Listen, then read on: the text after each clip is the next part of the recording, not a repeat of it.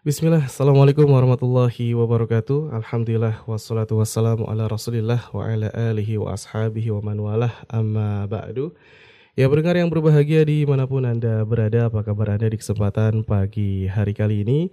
Semoga senantiasa dalam keadaan sehat walafiat Dalam keadaan terbaik Dan juga senantiasa dijaga oleh Allah subhanahu wa ta'ala Dalam lindungan Allah subhanahu wa ta'ala Dan juga semoga kita istiqomah di atas ketaatan kepada Allah sampai akhir hayat kita. Amin ya robbal alamin. Alhamdulillah pendengar senang saya Haris bisa kembali menyapa Anda di pagi hari kali ini dalam program live interaktif inspirasi Fajar Imani. Insya Allah kebersamaan kita sampai dengan jam 10 siang nanti kali ini di rubrik login ya dialog interaktif. Insya Allah kita akan berdialog ngobrol bersama Al Ustadz yang di kesempatan kali ini sudah hadir di tengah-tengah kita.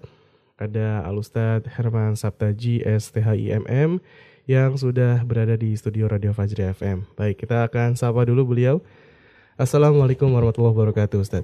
Waalaikumsalam warahmatullahi wabarakatuh. Kabar sehat Ustaz ya? Alhamdulillah. Alhamdulillah, sehat, Masya Allah. Dan juga semoga sahabat Fajri di mana saja Anda berada dalam keadaan penuh barokah diberikan nikmat kesehatan oleh Allah Subhanahu wa taala dan selalu bersemangat ya di dalam menjalani kehidupan ataupun aktivitas sehari-hari. Amin ya robbal alamin. Baik, masya Allah ya Ustadz. Di pagi ini kita live ya interaktif. Insya Allah akan membahas sebuah tema yang menarik yaitu tentang utang piutang. Iya. Kalau Iya. dengarnya mungkin kita senyum-senyum sendiri Iya. atau mungkin galau ya dengar kata-kata ini gitu. Betul sekali. eh Kang Haris ya bahwa yang Hmm. namanya hutang ini pastilah kita pernah bersentuhan dengannya Iya. ya. Baik kita pernah mungkin berhutang, kemudian juga pernah mengutangi Iya. gitu kan. Dan dari setiap level mungkin ya di tengah-tengah masyarakat kita. Baik rakyat bahkan negara juga punya utang gitu. Betul sekali. Jadi ini memang fenomena yang menurut kita mungkin menarik ya untuk kita bahas. Terlebih memang eh, aturan Islam yang sangat eh, syumuliyah ya me- meliputi segala sesuatu termasuk masalah hutang juga dibahas. Mm-mm, baik, masya Allah. Dan pendengar silakan anda pun bisa mengirimkan pertanyaan ya, berdiskusi kali ini juga mengirimkan uh, mungkin bisa curhat atau mungkin memberikan pertanyaan berkaitan dengan masalah utang piutang. Insya Allah akan langsung dijawab oleh Al Ustadz di kesempatan kali ini nanti di sesi yang kedua. Silakan bisa kirimkan pertanyaan anda sekali lagi tentang utang piutang ke 0811 1110 993. 0811 11 10 993 SMS, WhatsApp atau Telegram dan juga bisa ke Facebook Radio Fajri di facebook.com garis miring Radio Fajri ya. Baik, pendengar di mana pun berada dan Ustadz ini fenomena Ya. utang piutang itu yang memang uh, sudah terjadi di masyarakat Iya, Ustadz ya. iya. Sejak zaman dulu kala, Ya, zaman baheula. Eh, zaman baheula sampai saat ini. Mm. Cuman eh, kebutuhan kalau sekarang ini kebutuhan ataupun dorongan untuk berutang itu semakin besar Ustaz ya, nggak kayak zaman dulu. Mungkin karena sekarang eh, banyak sekali apa namanya teknologi juga dan juga banyak barang-barang baru yang bermunculan gitu. Betul. Apalagi banyak sekali sekarang lembaga dan juga instansi keuangan yang dasar tujuan didirikannya emang untuk menawarkan produk-produk utang piutang. Sehingga masyarakat secara umum eh apa namanya menyeret masyarakat untuk berutang. Banyak banget Ustaz ya kalau sekarang di masyarakat juga ada eh, bank emok mungkin ya atau kalau dulu bank keliling gitu ya Nah, ini seperti apa sebenarnya Ustadz panduan Islam terkait dengan utang piutang ini? Tadi kan kata Ustadz disampaikan bahwa Islam itu agama yang syumul Ustadz ya, Ya. agama yang lengkap. Pasti utang piutang juga eh, dibahas dalam Islam. Nah, insya Allah mendengar kesempatan kali ini di acara Inspirasi Fajar Imani di rubrik Login, Dialog Interaktif. Insya Allah kita akan membahas bersama tentang utang piutang. Nah Ustadz, Ya. eh, dalam Islam ini apa sebenarnya pengertian dari utang piutang ini Ustadz? Bisa dijelaskan Iya. silakan. utang ya kalau dari sebenarnya sih kita udah paham ya makna dari utang itu adalah harta yang dipinjam dari orang lain ya. Berarti kalau piutang adalah harta kita yang dipinjamkan kepada orang lain ya. Tetapi kalau dari segi uh, istilah bahasa Arab atau istilah di dalam Islam bahwa yang namanya hutang itu dikenal dengan nama dain ya. Dain itu secara bahasa artinya adalah kullu malaysa hadiran ya. Artinya adalah segala sesuatu yang tidak hadir. Maka ini memiliki dua makna. Yang pertama adalah secara umum yaitu segala sesuatu yang tetap berada di dalam tanggungan ataupun tanggung jawab. Ya, artinya itu adalah sesuatu yang harus dipertanggungjawabkan. Contohnya adalah hak-hak Allah Subhanahu wa taala. Nah, sebenarnya syariat-syariat Allah Subhanahu wa taala yang dibebankan kepada kita semua itu adalah hutang kita kepada Allah Subhanahu wa taala secara bahasa ya, yaitu bahwa artinya itu harus ditunaikan, itu harus bisa dipertanggungjawabkan. Seperti syariat Allah untuk melaksanakan, menegakkan sholat lima waktu, untuk bisa menjalankan ibadah haji jika mampu, dan syariat-syariat yang lainnya. Nah ini secara istilah ya. Istilah yang pertama artinya adalah sesuatu yang harus dipertanggungjawabkan. Dan ini umum sekali maknanya yaitu termasuk syariat-syariat Allah taala. Sementara makna yang kedua ini adalah secara khusus. Yang artinya adalah bahwa hutang itu adalah memberikan harta kepada seseorang. Hutang piutang ya maksudnya ya bukan utang saja tapi hutang piutang adalah memberikan harta kepada seseorang dengan perjanjian bahwa dia akan mengembalikan harta yang diterimanya tersebut dalam jangka waktu yang sudah disepakati bersama. Ya memberikan harta atau menerima harta dengan sebuah perjanjian antara dua belah pihak baik pribadi ataupun juga antar pribadi dengan pribadi atau pribadi dengan yang lainnya dengan perjanjian akan mengembalikan dalam jangka waktu yang disepakati. Nah, itu ya. Itulah yang kita kenal sebagai hutang ya, hmm. yaitu meminjam harta untuk nanti dikembalikan sesuai dengan perjanjian yang disepakati. Iya. Ya, itu namanya hutang. Baik, gitu. dan memang hmm. sebenarnya kita tuh udah paham tentang Betul. utang piutang karena mungkin setiap hari mengalami atau hmm. uh, sudah menjadi keseharian di sekitar kita. Kan gitu. hari setiap hari? Enggak. uh, enggak setiap Tapi hari, maksudnya fenomena, fenomena seperti itu iya, sering kita dengar. Sering, ya, sering gitu. kita dengar, bukan setiap hari ngutang. Tapi ya. mungkin kalau yang punya warung ada aja yang kasbon kali saja. Ya. Iya, ngutang. Pasti, ya. itu kan biasa. jadi tiap hari itu. Betul, betul. Baik, utang piutang ya. Kalau saya insya Allah enggak Ustaz, ya, tiap hari Ustaz. Alhamdulillah. Alhamdulillah ya. ya. Kemudian eh, ini bagaimana dengan hukum itu sendiri Ustaz? Hukum hutang piutang dalam syariat Islam apakah ini boleh atau eh, ada larangannya iya. atau panduan ini bagaimana iya. Ustaz? Jadi hutang itu kan adalah hubungan antara satu manusia dengan manusia yang lain. Dia adalah seputar masalah hubungan yaitu hukum amalah antara satu manusia dengan manusia yang lain. Selama transaksi itu tidak mengandung sesuatu hal yang e, dilarang oleh syariat, seperti mengandung riba atau adanya unsur ketidakjelasan dari akad atau yang disebut dengan goror, maka hukumnya adalah secara umumnya sebuah muamalah adalah hukumnya boleh, gitu ya, hukumnya boleh.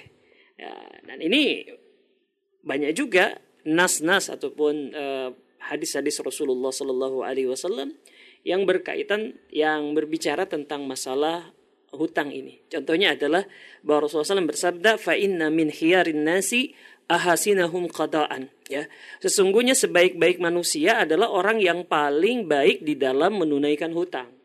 Ya.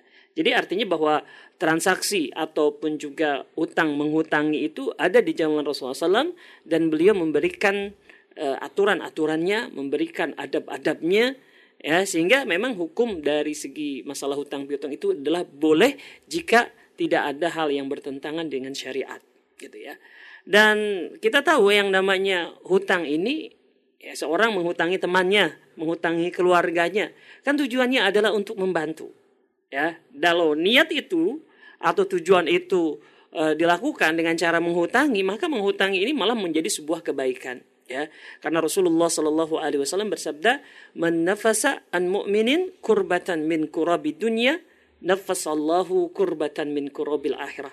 Barang siapa yang menolong seorang mukmin atau melepaskan kesulitan dari seorang mukmin dari kesulitan-kesulitan dunia maka Allah Subhanahu wa taala akan menolong orang tersebut dari kesulitan-kesulitan akhirat.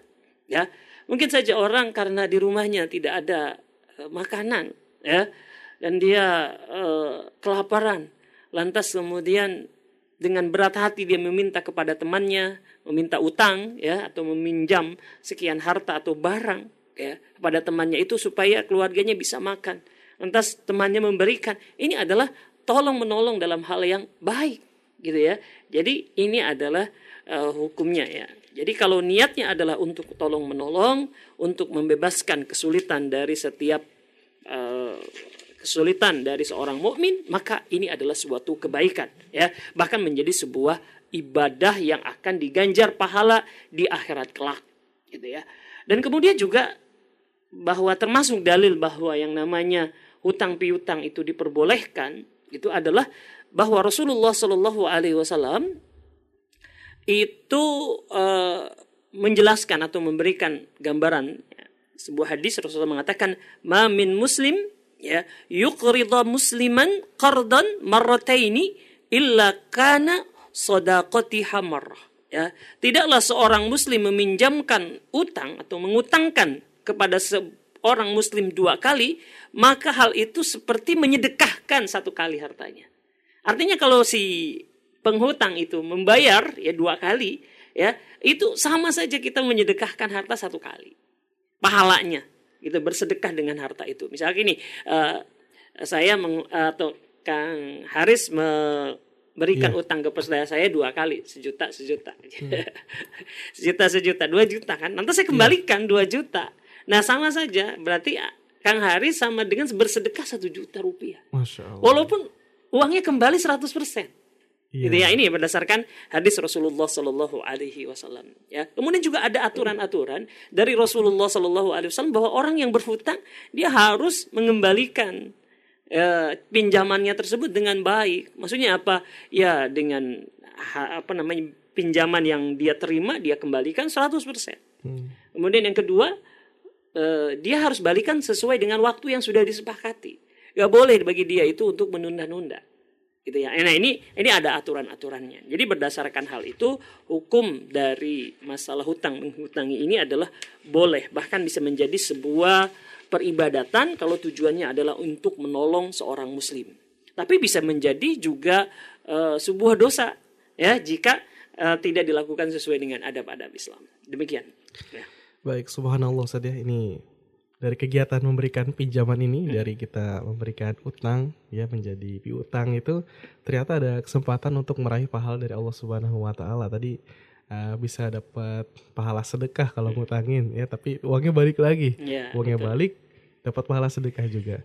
Nah, ini Ustadz kalau meraih pahala, namun gimana kalau si pemberi pinjaman ini juga mengambil keuntungan dari utang piutang ini? Iya. dengan yeah. meminta adanya kelebihan atau yang biasa kita dengar mungkin bunga Ustaz ya yeah, atau betul. bahasa syariatnya uh, riba Ustaz ya. Riba, ya jelas. Nah, ini gimana nih Ustaz? Iya, tadi kita katakan bahwa ketika seseorang niatnya adalah untuk menolong gitu ya, untuk membebaskan seorang muslim dari kesulitan-kesulitan kehidupannya ya atau kebutuhan-kebutuhan mendesak ini niatnya jelas, tolong menolong ya. Tapi kalau misalkan dia menghutangi lantas tujuannya adalah untuk mendapatkan keuntungan ya atau justru tujuannya adalah untuk meraih ke apa istilah kita tuh aji mumpung memanfaatkan kesulitan saudara sendiri untuk meraih keuntungan pribadi. Ini jelas tidak sejalan dengan tujuan dari hutang piutang yang tadi disyariatkan di dalam Islam yaitu untuk menolong saudaranya. Ya, apalagi bahwa kalau misalkan dia meminjamkan sebuah harta atau sejumlah uang ataupun sebuah barang ya yang lantas kemudian dia menarik faidah, menarik tambahan, menarik keuntungan, ini dikategorikan sebagai riba, ya sebagaimana sabda atau dalam sebuah kaidah ya dalam kaidah fikih atau kaidah syariat kullu qardin jarra naf'an fahuwa riba setiap piutang dengan tujuan untuk menarik faidah, menarik sebuah manfaat, menarik sebuah keuntungan, maka itu adalah termasuk riba, ya. Jadi inilah yang tidak diperbolehkan. Ya, jadi kalau kita minjemin, ngutangin, lantas kita mensyaratkan ya harus ada kelebihannya, baik kelebihannya itu adalah berupa uang atau kelebihan-kelebihan yang lainnya. Misalkan saya pinjamkan kamu uang 5 juta ya. Ya, nanti kamu kembalikan 5 juta 500 ribu. Nah, ini jelas riba. Gitu ya. Ini nggak boleh, haram hukumnya ya. Kemudian saya pinjamkan uang ini kepada kamu satu juta ya. Tapi dengan syarat ya nanti kalau saya ada perlu, kamu kan kerja di sebuah perusahaan, nanti kalau misalkan anak atau kerabat saya uh, mau kerja, kamu masukin ya. ya. Dia mensyaratkan sesuatu ketika yaitu berupa tambahan keuntungan. Maka ini adalah riba. Ya ini adalah tidak diperbolehkan walaupun itu bukan uang ya saya pinjamkan nih kamu ya. Tapi nanti saya mau e, sewa rumah kamu dengan harga di bawah standar misalkan. Nah ini juga adalah termasuk yang tidak diperbolehkan. Jadi ingat ya bahwa ketika kita menghutangi e, saudara kita itu murni tujuannya adalah untuk menolong. Ya karena tujuan untuk menolong kita tidak boleh ya e, untuk e, menarik manfaat manfaat ataupun tambahan keuntungan untuk kita. Ini tidak diperbolehkan. Demikian. Iya, baik. Ya. Ternyata manfaatnya bukan cuma balik lebih aja Ustaz ya. -hmm. Tapi kayak tadi kayak tadi misalkan uh, kalau dengan disyaratkan ya ada syarat-syarat syarat tertentu ya. juga itu nggak boleh berupa juga, keuntungan hmm, ya hmm. berupa keuntungan jadi kalau minjemin udah minjemin aja gitu ya, minta iya betul. udah saya pinjemin uang nanti anak kamu nikah sama anak saya ya, saya dulu pernah pernah baca mungkin dulu ya uh, novel Datuk, Datuk Siti Nurbaya, Siti Nurbaya ya di mana dia menghutangi satu keluarga tapi dengan syarat bahwa anaknya harus dinikahi gitu hmm. oleh si pemberi piutang atau pemberi hutang atau si, si, ya, ya, tadi itu ya. Itu juga adalah satu bentuk hutang piutang yang tidak diperbolehkan oh, iya. gitu ya. Baik. Masya Allah ya. Jadi pendengar di mana pun berada tentunya kita harus berhati-hati terkait dengan praktek utang piutang ini. Nah kemudian Ustadz ada juga nih kasus orang yang ngutang nih suka nunda-nunda untuk membayar utangnya. Hmm. bahkan ada yang sampai di bawah mati sudah hmm. meninggal ini hutangnya belum terbayar juga yeah Nah, atau ada yang tidak mau membayar padahal sebenarnya dia tuh mampu punya harta, punya uang untuk membayar utangnya. Hmm. Ini gimana ini kira-kira Ustaz orang yang seperti ini? Ah, baik, Kang Haris ya. Ini juga salah satu fenomena ya di mana kalau misalkan datang untuk meminta utangan itu dengan baik-baik dengan uh, memelas-melas gitu kan minta dikasihani dan orang yang memberikan orang yang diminta juga memberikan dengan cara baik gitu kan. Tapi pas giliran waktunya jatuh tempo hutangnya harus dibayar ditagih malah galakan yang ngutang gitu iya. ya. Atau uh, sebaliknya atau apa namanya uh, uh, dia menunda-nunda. Ini juga tidak dibolehkan ya di dalam syariat. Karena bahwa orang yang menghutangi kita untuk kemudian dibayar sesuai dengan perjanjian itu artinya dia sudah mempercayakan kepada kita. Ya jadi itu adalah sebuah amanah bagi kita untuk kita tunaikan semaksimal mungkin. Ini saya utangi kamu 200 ribu ya. Nanti tolong tanggal 7 yang kamu sanggupi dikembalikan. Itu sebuah amanah maka kita harus berusaha semaksimal mungkin agar nanti pada tanggal itu, tanggal 7 misalkan yang sesuai dengan kesepakatan tadi, kita bisa kembalikan. Itu itu sebuah amanah yang harus kita tunaikan dan ini adalah perintah dari Allah agar kita menunaikan amanah. Allah Subhanahu wa taala firman innallaha ya'murukum an tu'addul amanati ila ahliha. Sesungguhnya Allah Subhanahu wa taala memerintahkan kalian untuk menyampaikan kepada menyampaikan amanah kepada uh, orang yang berhak menerimanya kita tunaikan. Gitu kan? Dan kita tidak boleh menzalimi orang yang menghutangi kita dengan cara menunda-nunda. Ya. Dan itu adalah sebuah kezaliman, sebuah dosa. Rasulullah SAW mengatakan dalam sebuah hadis yang diriwayatkan oleh Imam Bukhari, matlul ghani zulmun. Ya, menunda-nunda pembayaran hutang itu ad, ketika dia sudah padahal dia mampu untuk melunasinya, ini adalah sebuah bentuk kezaliman.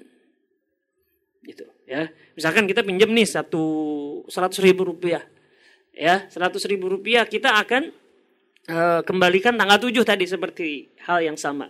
Ya, tanggal 7. Nah, ketika tanggal 7 ini hadirin rahimakumullah atau pendengar Fajri di mana saja Anda berada, tanggal 5 kita sudah punya untuk kita bayar, gitu kan? Ah, tapi kan waktunya uh, masih tanggal 7, gitu kan? Ah, kita uh, bisnisin dulu lah, kita jadikan modal dulu. Ah, ternyata ya, ketika itu malah usahanya gagal misalkan. Sehingga ketika tanggal 7 yang disepakati dia tidak bisa membayar hutangnya. Ini juga suatu kezaliman. Ya kalaupun tanggal 7 nanti kita tanggal 5 sudah ada ya kita kembalikan. Gitu. Ya kita kembalikan gitu. Jadi ini tidak diperbolehkan juga. Jadi pendengar di mana saja Anda berada maka kita harus uh, dua-duanya baik ketika kita menjadi orang yang menghutangi atau yang kita yang berhutang kita tunaikan haknya. Gitu ya. Itu ketika kita punya hutang maka Eh, kita berusaha komitmen karena itu amanah untuk kita dan supaya kita tidak melakukan sebuah kezaliman. Kalau memang sudah ada, sudah sesuai jatuh temponya, segera lunasi. Ya, itulah cara kita membalas sebuah kebaikan. Ya, sebuah kebaikan dari orang yang mengutangi kita. Demikian. Ya. Baik, masya Allah. Yang mudah-mudahan uh, jelas untuk kita hmm. semua dan juga semoga kita diberikan kemudahan dalam melunasi utang-utang kita ya. Kalau misalkan saat ini masih ada utang, semoga Allah mudahkan. Ada rizkinya Ustadz ya untuk membayar utang ya. Nah ini berkaitan dengan utang piutang ini Ustadz, ada tips nggak sih Ustadz untuk agar kita tidak uh, terlilit yang namanya utang gitu Ustadz? Iya, iya. Tadi uh, yang pertama kita harus uh, mengetahui ya bahwa ini adalah suatu hal yang disebut dengan hukum muamalah dan itu ada ketentuan-ketentuannya di dalam Islam, maka hendaklah kita mendalami dahulu ya ilmu tentang masalah ini. Ya. Kita jangan hanya melakukan sesuatu tapi tidak dasari oleh ilmu. Ini bahaya gitu ya. Dan apalagi syariat kita juga sudah mengatur tentang masalah hutang piutang ini. Ya kan yang pertama harus kita lakukan adalah kita pelajari dulu ilmunya. Kita simak dulu ya ketentuan-ketentuannya baik di dalam Al-Qur'an ya maupun dalam hadis-hadis Rasulullah Shallallahu alaihi wasallam tentang masalah hutang ini. Karena hutang ini ya jika kita tidak menjalankannya, tidak menunaikan amanahnya dengan baik, maka itu menjadi sebuah keburukan untuk kita, menjadi sebuah dosa untuk kita dan berpeluang untuk menghambat jalan kita di akhirat kelak. Rasulullah SAW bersabda dalam hadis yang diriwayatkan oleh Abu Hurairah radhiyallahu anhu bahwa Rasulullah SAW bersabda nafsul mu'min mu'allaqatun bidainihi hatta yuqda anhu. Ya jiwa seorang mukmin itu dia terikat ya tidak bisa naik lagi tidak bisa naik ya sampai hutangnya dilana, dilunasi gitu ya uh, jadi ini adalah suatu hal yang berbahaya sekali kalau kita tidak menunaikannya dengan baik gitu ya. Bahkan dalam sebuah hadis yang lainnya Rasulullah SAW mengatakan bahwa seorang yang syahid, seorang yang mati syahid ya di jalan pertempuran membela agama Allah Subhanahu wa taala ya itu tertahan untuk masuk surga sampai hutangnya itu dilunasi gitu. Ya dia pun ini melakukan satu amal soleh yang sangat besar sekali dan amal-amal soleh yang lainnya mungkin juga bisa berlaku seperti itu ya tetapi ketika dia masih punya hutang dan belum terlunasi ini terhalang untuk mendapatkan kebaikan yang banyak karena hutangnya belum ditunaikan. Gitu. Jadi ini aturan-aturan ataupun juga uh, peringatan dari Rasulullah SAW agar kita tidak bermudah-mudah ya ataupun menyepelekan, men tidak menunaikan amanah dari orang yang menghutangi kita. Nah ini yang pertama ya. Jadi kita ketahui ilmunya, kita ketahui aturan-aturan syariatnya. Yang kedua adalah kita jangan mudah berhutang karena dampaknya tadi ya dampaknya itu luar biasa bisa membahayakan uh, posisi kita di akhirat ya jadi kita jangan uh, terlalu gampang untuk berhutang kalau pun harus berhutang pastikan bahwa itu adalah benar-benar dalam kebutuhan yang mendesak. Ya tidak boleh berhutang kecuali dalam kondisi yang terpaksa nggak ada jalan lain. Gitu ya. Ah, karena karena tadi ya kalau seorang sudah terlalu bermudah-mudahan ya akhirnya hutang sana hutang sini gitu kan kemudian kita nggak sanggup membayarnya ini malah membuat uh, kesusahan baik di dunia maupun di akhirat gitu ya Kemudian yang ketiga, kalau kita sudah punya utang, ya mungkin semua orang rata-rata itu pernah berhutang ya. Ada yang udah lunas, ada yang belum lunas gitu ya. Maka walaupun kita memang berhutang, maka bertekadlah kuat, berusahalah sekuat mungkin untuk melunasinya. Ya. Bermelunasinya. Karena hal ini penting ya. Kalau misalkan kita sudah bertekad, sudah berniat kuat, maka bukan hanya kita uh, insya Allah taala bisa menunaikannya, Allah pun akan membantu kita. Akan membantu kita untuk membayar hutang kita dengan cara apa pun. Ya dengan cara apa pun Allah Subhanahu wa taala Maha Kuasa, Allah Subhanahu wa taala akan menolong kita. Jadi kalau kita udah punya utang, bertekad kuatlah ya untuk melunasinya.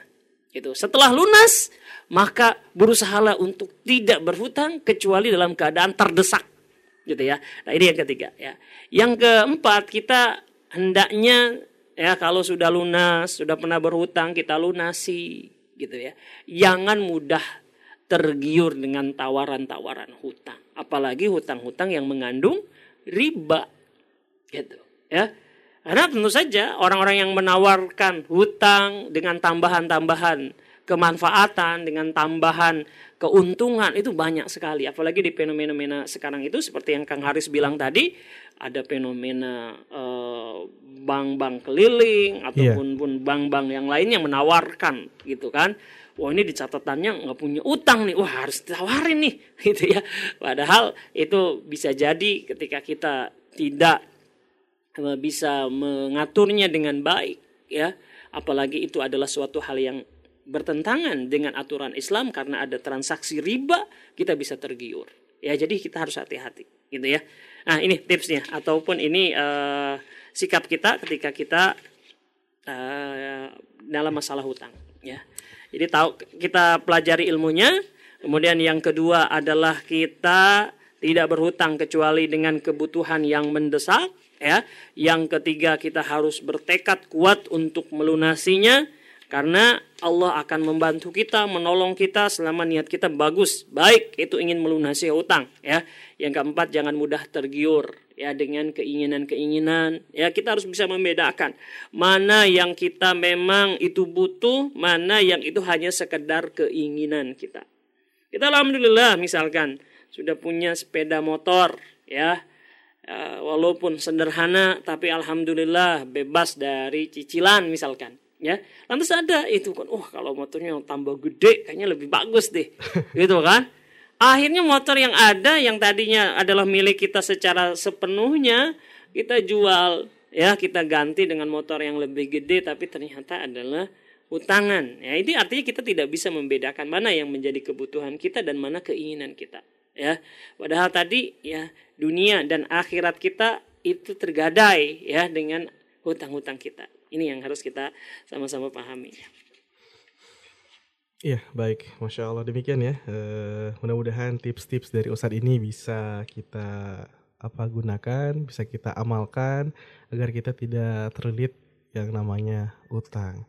Dan Masya Allah Ustadz tak terasa kita sudah setengah jam Ustadz ngobrol ya berkaitan Ya. dengan utang piutang ini. Dan kita ingin mengundang kepada pendengar, mengajak pendengar untuk berdiskusi ya. Eh, mungkin bisa dikonsultasikan berkaitan dengan utang piutang yang punya permasalahan, yang punya problem silahkan bisa dikirimkan pertanyaan Anda. Insya Allah eh, kita akan tanggapi bersama Al Ustadz. Silakan bisa ke 0811 11 10 993 0811 11 10 993 SMS, WhatsApp dan juga Telegram bisa ke Facebook Radio Fajri juga dan jangan lupa untuk sebutkan nama Anda, domisili dan pertanyaan Anda. Baik pendengar kita akan rehat sejenak. Insya Allah kami akan tanggapi pertanyaan dari Anda setelah jeda berikut. Tetap stay tune di 99.3 Fajri FM, Suara Kebangkitan Islam. Pendengar masih di acara Inspirasi Fajar Imani di rubrik Login Dialog Interaktif bersama Alustad Herman Sabtaji STHI MM Hafizullah Ta'ala. Kali ini kita membahas tentang utang piutang dan Di sesi kedua ini insya Allah kami akan coba tanggapi pertanyaan-pertanyaan yang sudah Anda kirimkan. Silakan bisa bergabung, bisa absen juga di acara ini di 0811 11 10 993 atau di Facebook Radio Fajri. Baik Ustadz, kita langsung ke pertanyaan yang sudah dikirim pendengar Ustadz ya. Kali ini dari WhatsApp ada yang bertanya dari Cibinong. Assalamualaikum warahmatullahi wabarakatuh Pak Ustadz. Waalaikumsalam warahmatullahi wabarakatuh. Ini saya izin tanya nih. Ya, Saya pernah punya utang sama kakak nominalnya satu juta. Kakak saya bilang, Iis jangan bayar semua, 500 ribu aja ya. Yang 500-nya untuk jajan anak kamu.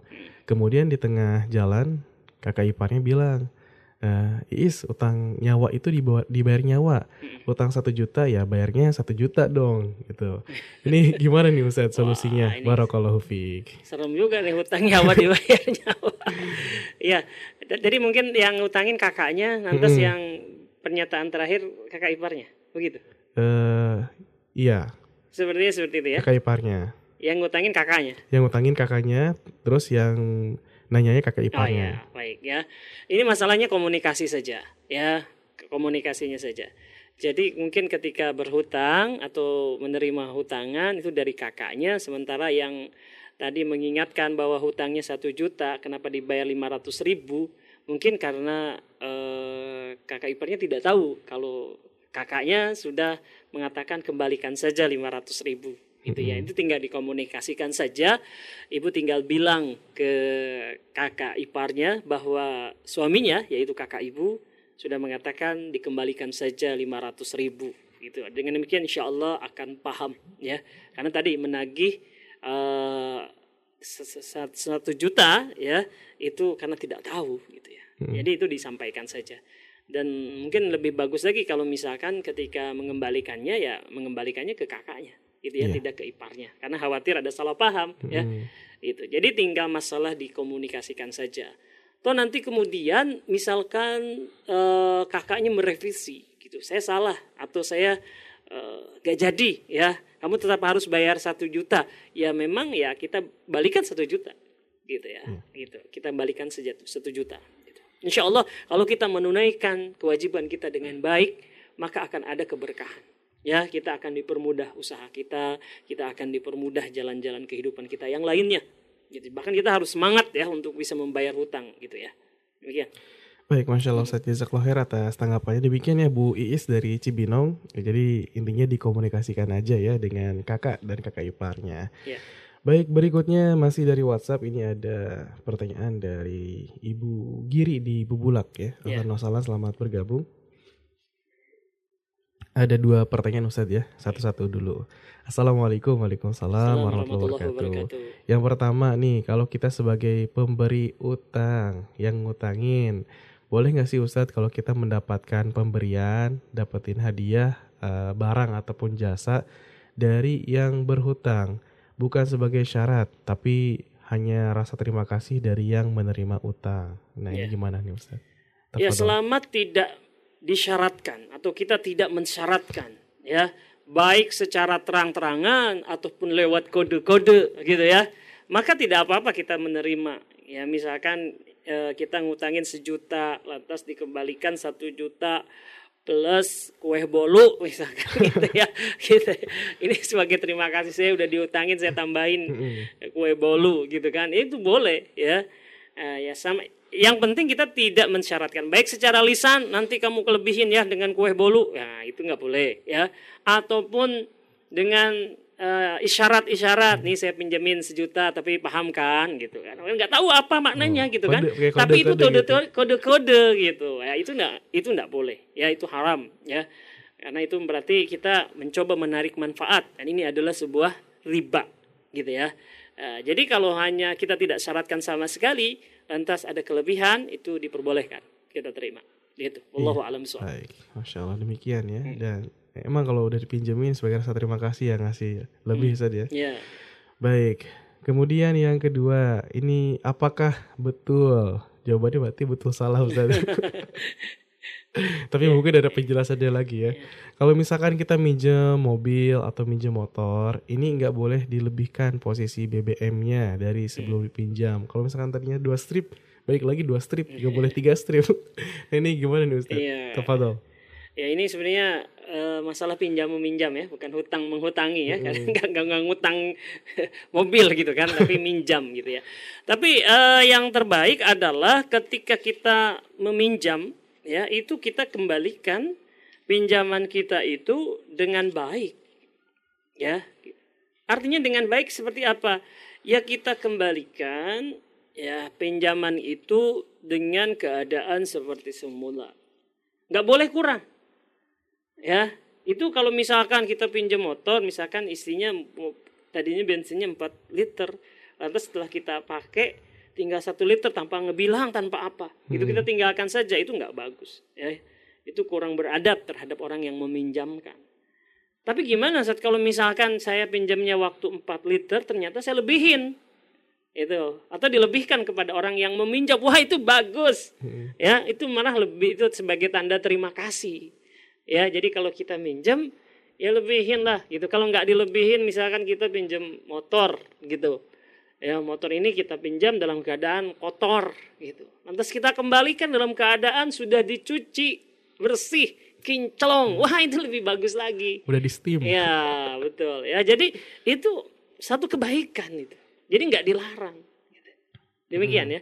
Jadi kalau uh, harusnya kita memperlakukan barang pinjaman itu dengan baik. Gitu. Minimal sama keadaannya. Ya kalau misalkan ternyata kita pinjam terus kemudian uh, bensinnya berkurang dan kita nggak punya ya kita minta maaf. Maaf tadi saya nggak bisa isi bensinnya lagi. Nanti saya yang misalkan kalau mau bilang ya. Uh, nanti kalau saya punya uang saya tambahin bensinnya. Itu boleh seperti itu. Atau saya maaf saya nggak bisa menambahkan bensinnya dan udah berkurang. Kata yang punya nggak apa-apa. Gitu ya? Ah itu yang penting ada komunikasi. Ini udah pinjam nabrak atau misalkan lecet nggak bilang-bilang wah ini ini kurang beradab ya, Iya. harusnya kita lebih eh, komunikasi ya gitu karena saudara saudara kita nih udah punya kebaikan minjemin menolong kita gitu. Mm-mm. kita pun harus membalas kebaikannya demikian ya Iya, baik, masya Allah demikian ya. Terima kasih dari tadi maaf bukan ibu tapi Kang Giri di Bubulak Barokallahu Fik. dan juga terima kasih Ustadz atas tanggapannya. Semoga bisa eh, menjadi solusi nih jawaban dari yang ditanyakan oleh Kang Giri. Berikutnya ini ada Ibu Sri Aryani ya dari Cilincing, Jakarta Utara ya. Alhamdulillah selamat bergabung. Assalamualaikum Waalaikumsalam warahmatullahi wabarakatuh Mau bertanya silakan ya Suami saya ini Ustadz katanya Mencicil angkot buat Hmm. usaha ya Tapi caranya dengan cicil ke bank Hmm. Bank eh, syariah ini ya Ya. Hukumnya diperbolehkan apa tidak ya Ustadz Ya. Syukron atas jawabannya Tafadhol Ustadz Iya. Kalau sistemnya itu tidak bertentangan dengan syariat ini kan harus dicek juga ya akadnya seperti apa. Tapi mudah-mudahan kalau pakai bank syariah emang tidak ada sistem ribanya gitu ya, tidak ada ribanya. Mudah-mudahan itu tidak ada ribanya dan bisa jadi kalau memang tidak ada unsur-unsur yang dilarang ini diperbolehkan. Tapi memang harus dicek dulu ya. Kita anggap saja bahwa itu tidak ada riba, tidak ada eh, tran- eh, apa namanya? tidak ada transaksi-transaksi yang mengandung eh, unsur-unsur yang tidak dibolehkan di dalam Islam. Ya, maka hukumnya adalah boleh. Tapi sekali lagi ya, hadirin rahimakumullah atau pendengar Fajri di mana saja Anda berada, hendaknya kita berhati-hati ya di dalam masalah ini. Karena ini adalah masalah hutang piutang ya. Tadi kita katakan kalau hutang piutang itu apalagi dengan sistem eh, ribawi ini bisa menyandra kita di dunia dan di akhirat kita.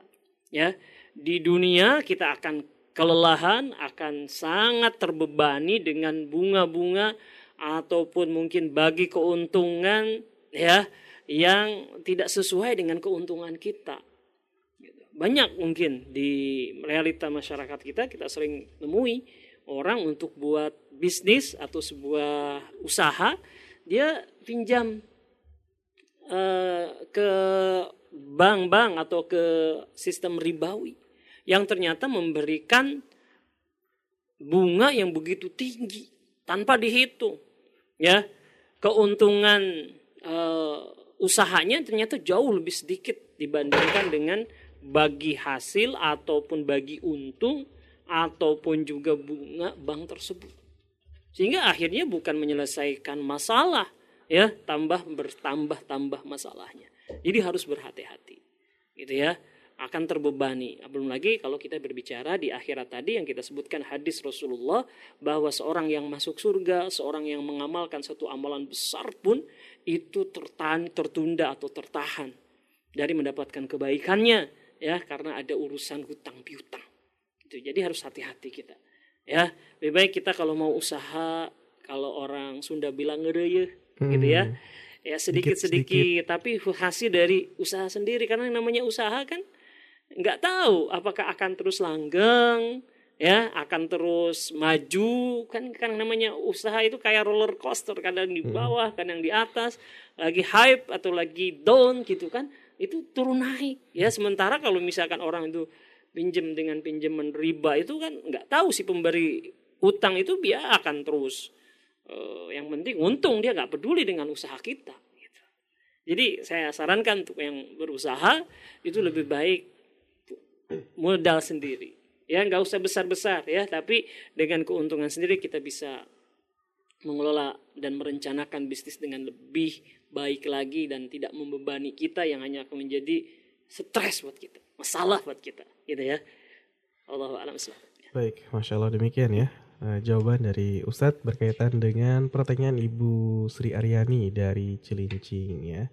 Semoga berkah usahanya untuk Ibu dan juga keluarga. Berikutnya Ustadz uh, ada pertanyaan lagi yeah. dari Mama Fitri di Bekasi Barat. Ya. Ini uh, apa namanya? Assalamualaikum Waalaikumsalam warahmatullahi wabarakatuh. Izin bertanya, teman saya ngutang sampai 6 juta Ustadz. Janji mulu tapi nggak pernah ditepatin, belum dibayar. Karena sudah tiga tahun saya pinta, saya tagih, kemudian orangnya marah-marah dan malah musuhin saya. Yeah Pertanyaannya, apakah saya berdosa karena nagih dan dia sakit hati terus musuhan dengan saya? nah, gimana Ustaz? Iya. Apa tuh? Iya, baik ya. Emang itu banyak fenomena yang seperti itu. Jadi pertama, kalau kita yang menghutangi ketika sudah jatuh tempo itu kita harus menagih karena bisa bisa jadi orang yang menghutang itu lupa. Gitu ya lupa untuk membayar hutangnya kapan gitu ya. Jadi kita ingatkan dia gitu. Sebab kalau dia lupa hutangnya dan terus nggak nggak dibayar itu kan malah jadi dosa ya karena tidak menunaikan amanah. Jadi kita ingatkan. Gitu. Lantas setelah diingatkan kemudian dia mengatakan, duh maaf, ternyata saya tidak bisa membayar hutang tepat pada waktunya karena uangnya belum ada. Insya Allah sesuai perkiraan saya mungkin satu bulan lagi saya bisa e, membayar hutang. Gitu ya. Ya kemudian ya kita berikan tangguh. Karena memberikan tangguh juga adalah berarti menolong dia. Gitu ya. Ya kita nggak apa-apa gitu. Nah, terus nanti misalkan setelah satu bulan sudah jatuh ya kita ingatkan lagi untuk membayar hutangnya. Gitu. Nah, gitu kita seterusnya gitu. Nah, nanti kalau ketemu dengan orang yang tidak punya niat untuk membayar hutang, ya tetap tugas kita adalah mengingatkan kapan mau bayar hutang. Lantas kemudian setelah itu responnya dia menjadi marah kepada kita, menjadi benci kepada kita, itu bukan urusan kita. Ya, kita hanya mengingatkan dan itu ada hak kita di situ. Ya. Lantas kalau dia tidak berniat untuk membayarnya, malah marah-marah, malah menghina kita, itu urusan dia dengan Allah Subhanahu wa taala. Ya kita tidak sama sekali dirugikan atas itu. Itu ya. Jadi biarkan uh, dia dengan kemarahannya ya kita hanya ingin menuntut hak kita yaitu uh, utang kita dibayarkan. Gitu ya. Demikian ya. Jadi uh, nggak masalah hmm. ya. Kalau menagih orang yang marah benci sama kita ya gimana? Kita nggak bisa menghalangi kemarahan dan kebencian dia. Cuma kan kita tidak pada posisi yang salah kita menuntut hak kita. Selama ditagih dengan cara baik gitu ya. Tidak berlebihan gitu kan? Dan sudah kita berikan tempo juga ya untuk dia membantu dia untuk mengatur keuangannya supaya bisa membayar hutang. Tapi setelah itu dia marah ya. Apa yang bisa kita bisa lakukan? Hmm. gitu ya. Baik. Ya. Demikian ya. Hmm. masya allah semoga bisa jadi solusi. Jadi kita nggak dosa kalau lagi uh, hutang ya. Baik, kemudian berikutnya ini Ustadz ada dari Sawangan Depok. Assalamualaikum Pak Ustadz. Waalaikumsalam warahmatullahi wabarakatuh. Ini mau tanya Ustadz nih, ya. saya, saya ini punya hutang. Saya udah janji uh, kalau sudah ada akan dikembalikan.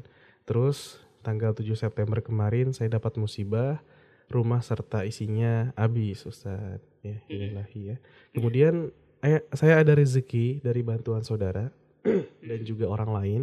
Ini gimana Ustadz? Apakah uangnya saya pakai untuk bayar utang atau untuk kebutuhan? Gimana nih Ustadz? Ya. Tafadol. Wah ini saya nggak tahu utangnya berapa, hmm. rezekinya berapa gitu ya.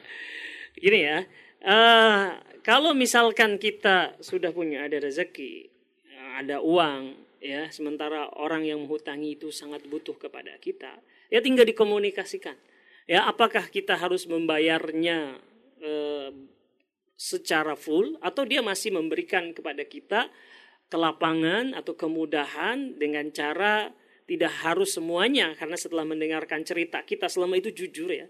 Ya jadi kita bayar setengahnya dulu setengahnya untuk kebutuhan hidup kita gitu ya.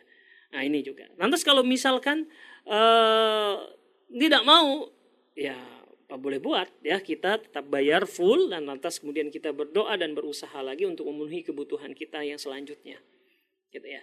Jadi komunikasikan saja ya komunikasikan dengan penghutang kita ceritakan apa adanya bahwa kita saat ini belum sanggup untuk bisa membayarkannya semua tapi sebagai komitmennya kita akan bayarkan sebagian sampai keadaan membaik keadaan ekonomi berangsur pulih baru saya akan bayar gitu ya Nah, insya Allah ya kalau niat kita baik Allah akan membantu kita termasuk membantu kita dengan cara melunakkan ya atau orang yang menghutangi kita akan memberikan kepada kita kemudahan gitu ya.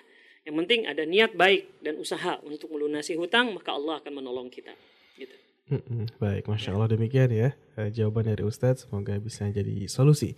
Kemudian Ustadz satu pertanyaan terakhir dari pendengar di akhir kesempatan ini ada dari Fauzi ya. Assalamualaikum Waalaikumsalam warahmatullahi wabarakatuh. Mau tanya Ustadz, eh, suami ini, suami saya pernah pinjam ke temannya 500 ribu rupiah. Pas ketemu, saya dan suami uh, suami bilang, maaf belum bisa bayar. Nah teman suami saya bilang, gak usah dibayar, ngasih buat anak-anak aja. Karena kebetulan beberapa bulan yang lalu baru ngelahirin juga. Tapi suami saya tetap bertekad nih kalau punya uang akan dibayarkan hutangnya. Tapi menurut saya sih gak usah dibayar karena sudah diberikan untuk anak-anak.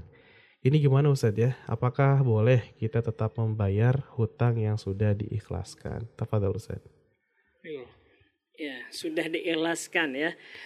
Uh, yang terbaik itu kita siapkan uangnya, ya kita ada uang menunjukkan bahwa ini ya kita punya uang untuk membayar hutangnya kita kasih Nanti setelah uh, setelah uang itu diberikan lantas mau diberikan semuanya atau sebagiannya itu adalah termasuk fadilah atau keutamaan dari orang yang mengutangi kita. Boleh jadi orang yang mengutangi kita itu sebenarnya butuh pada uang itu. Cuma kan kelihatan orang yang dihutanginya itu lagi nggak punya uang, gitu ya. Akhirnya dia bilang ya udah deh, saya ilasin gitu ya kita nggak tahu sejauh mana keikhlasannya gitu ya. Uh, jadi uh, yang lebih baik adalah seperti kita tunjukkan ya. Kita tunjukkan niat baik kita kita bawa uangnya. Nanti setelah itu dia mau kembalikan ya ya monggo. Mau dihadiahkan kepada kita ya silahkan gitu ya. Mau sebagian atau setengahnya. Ini juga menunjukkan komitmen kita niat baik kita kepada orang yang menghutangi kita. Itu ya.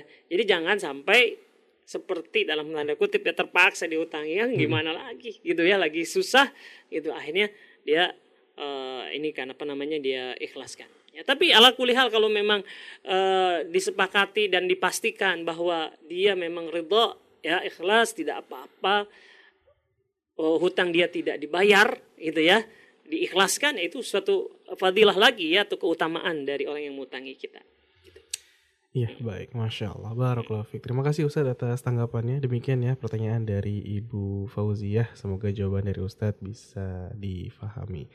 Baik Ustadz, masya Allah tak terasa kita sudah di penghujung acara dan mungkin terakhir nih Ustadz ada nasihat dari Ustadz terkait dengan tema pembahasan kita kali ini tentang utang piutang. Tafadhol Iya. Ustadz. Baik, eh, pendengar Fajri di mana saja Anda berada, semoga Allah Subhanahu wa taala selalu memberkahi kehidupan dunia kita dan juga memberikan kepada kita satu kesempatan untuk kita bisa mengisi hari-hari kita dengan peribadahan kepada Allah Subhanahu wa taala. Sekali lagi masalah-masalah hutang piutang yang tadi kita bahas ini ini semakin meyakinkan kepada kita bahwa Islam adalah agama yang sempurna ya yang di antaranya adalah mengatur masalah hutang piutang ini. Jadi masalah hutang piutang ini terkait dengan transaksi kehidupan di dunia, tapi proyeksinya ataupun juga dampaknya itu bisa terjadi atau bisa kita dapatkan di akhirat. Kalau kita termasuk orang yang menghutangi orang dengan tujuan menolong saudara-saudara kita, membantu kesulitan-kesulitan dia, ya, maka kita akan mendapatkan pahala dari Allah Subhanahu wa taala. Ini termasuk amal soleh bahkan dikategorikan sebagai sedekah kendati kita kemudian terima pembayaran hutang saudara kita full ya. Ini tadi sebagaimana hadis yang kita sebutkan. Kemudian itu juga akan menjadi uh, sebuah pahala atau amal soleh kalau kita masih memberikan tangguh kepada saudara kita yang belum sanggup untuk membayar hutangnya ketika jatuh tempo. Ini juga suatu amal soleh ya. Kemudian uh, kalau kita termasuk orang yang berhutang yang memiliki hutang ya bertekadlah kuat untuk bisa membayarnya untuk bisa menunaikannya ya dari hutang-hutang kita. Karena itu adalah amanah yang diberikan kepada kita. Ya minta tolong sama Allah berusaha kuat untuk bisa melunasi hutang kita. Dan ingat ya hutang itu itu ibarat ikatan pada tangan-tangan kita. Ya artinya apa? Bahwa itu akan membebani kita maka jangan sekali-kali kita berhutang untuk sesuatu yang hanya sekedar keinginan. Maka berhutang itu hendaknya kita lakukan dalam suatu keadaan darurat, kondisi yang terdesak dan tidak mudah-mudahan. Ya, mumpung sekarang tadi fasilitas-fasilitas pembiayaan banyak, kita mudah saja. Ya, tengok lagi apakah betul kita membutuhkan itu. Ya, sejauh mana kalaupun kita membutuhkan, sejauh mana kita butuh gitu. Ya tadi kita contohkan tentang uh, motor alhamdulillah sudah lunas ya. Sehat bisa jalan-jalan ke mana-mana ya. Memang tapi tampangnya sederhana motor jadul gitu kan misalkan ya. Tapi alhamdulillah kita bisa tenang memakainya. Tapi kita tergoda keinginan kita untuk misalkan membeli yang lebih bagus yang lebih baru yang lebih gede gitu ya. Padahal kebutuhannya itu itu juga sehingga akhirnya kita terpaksa berhutang karena kita kondisinya nggak sanggup untuk membayar atau membelinya secara tunai ya.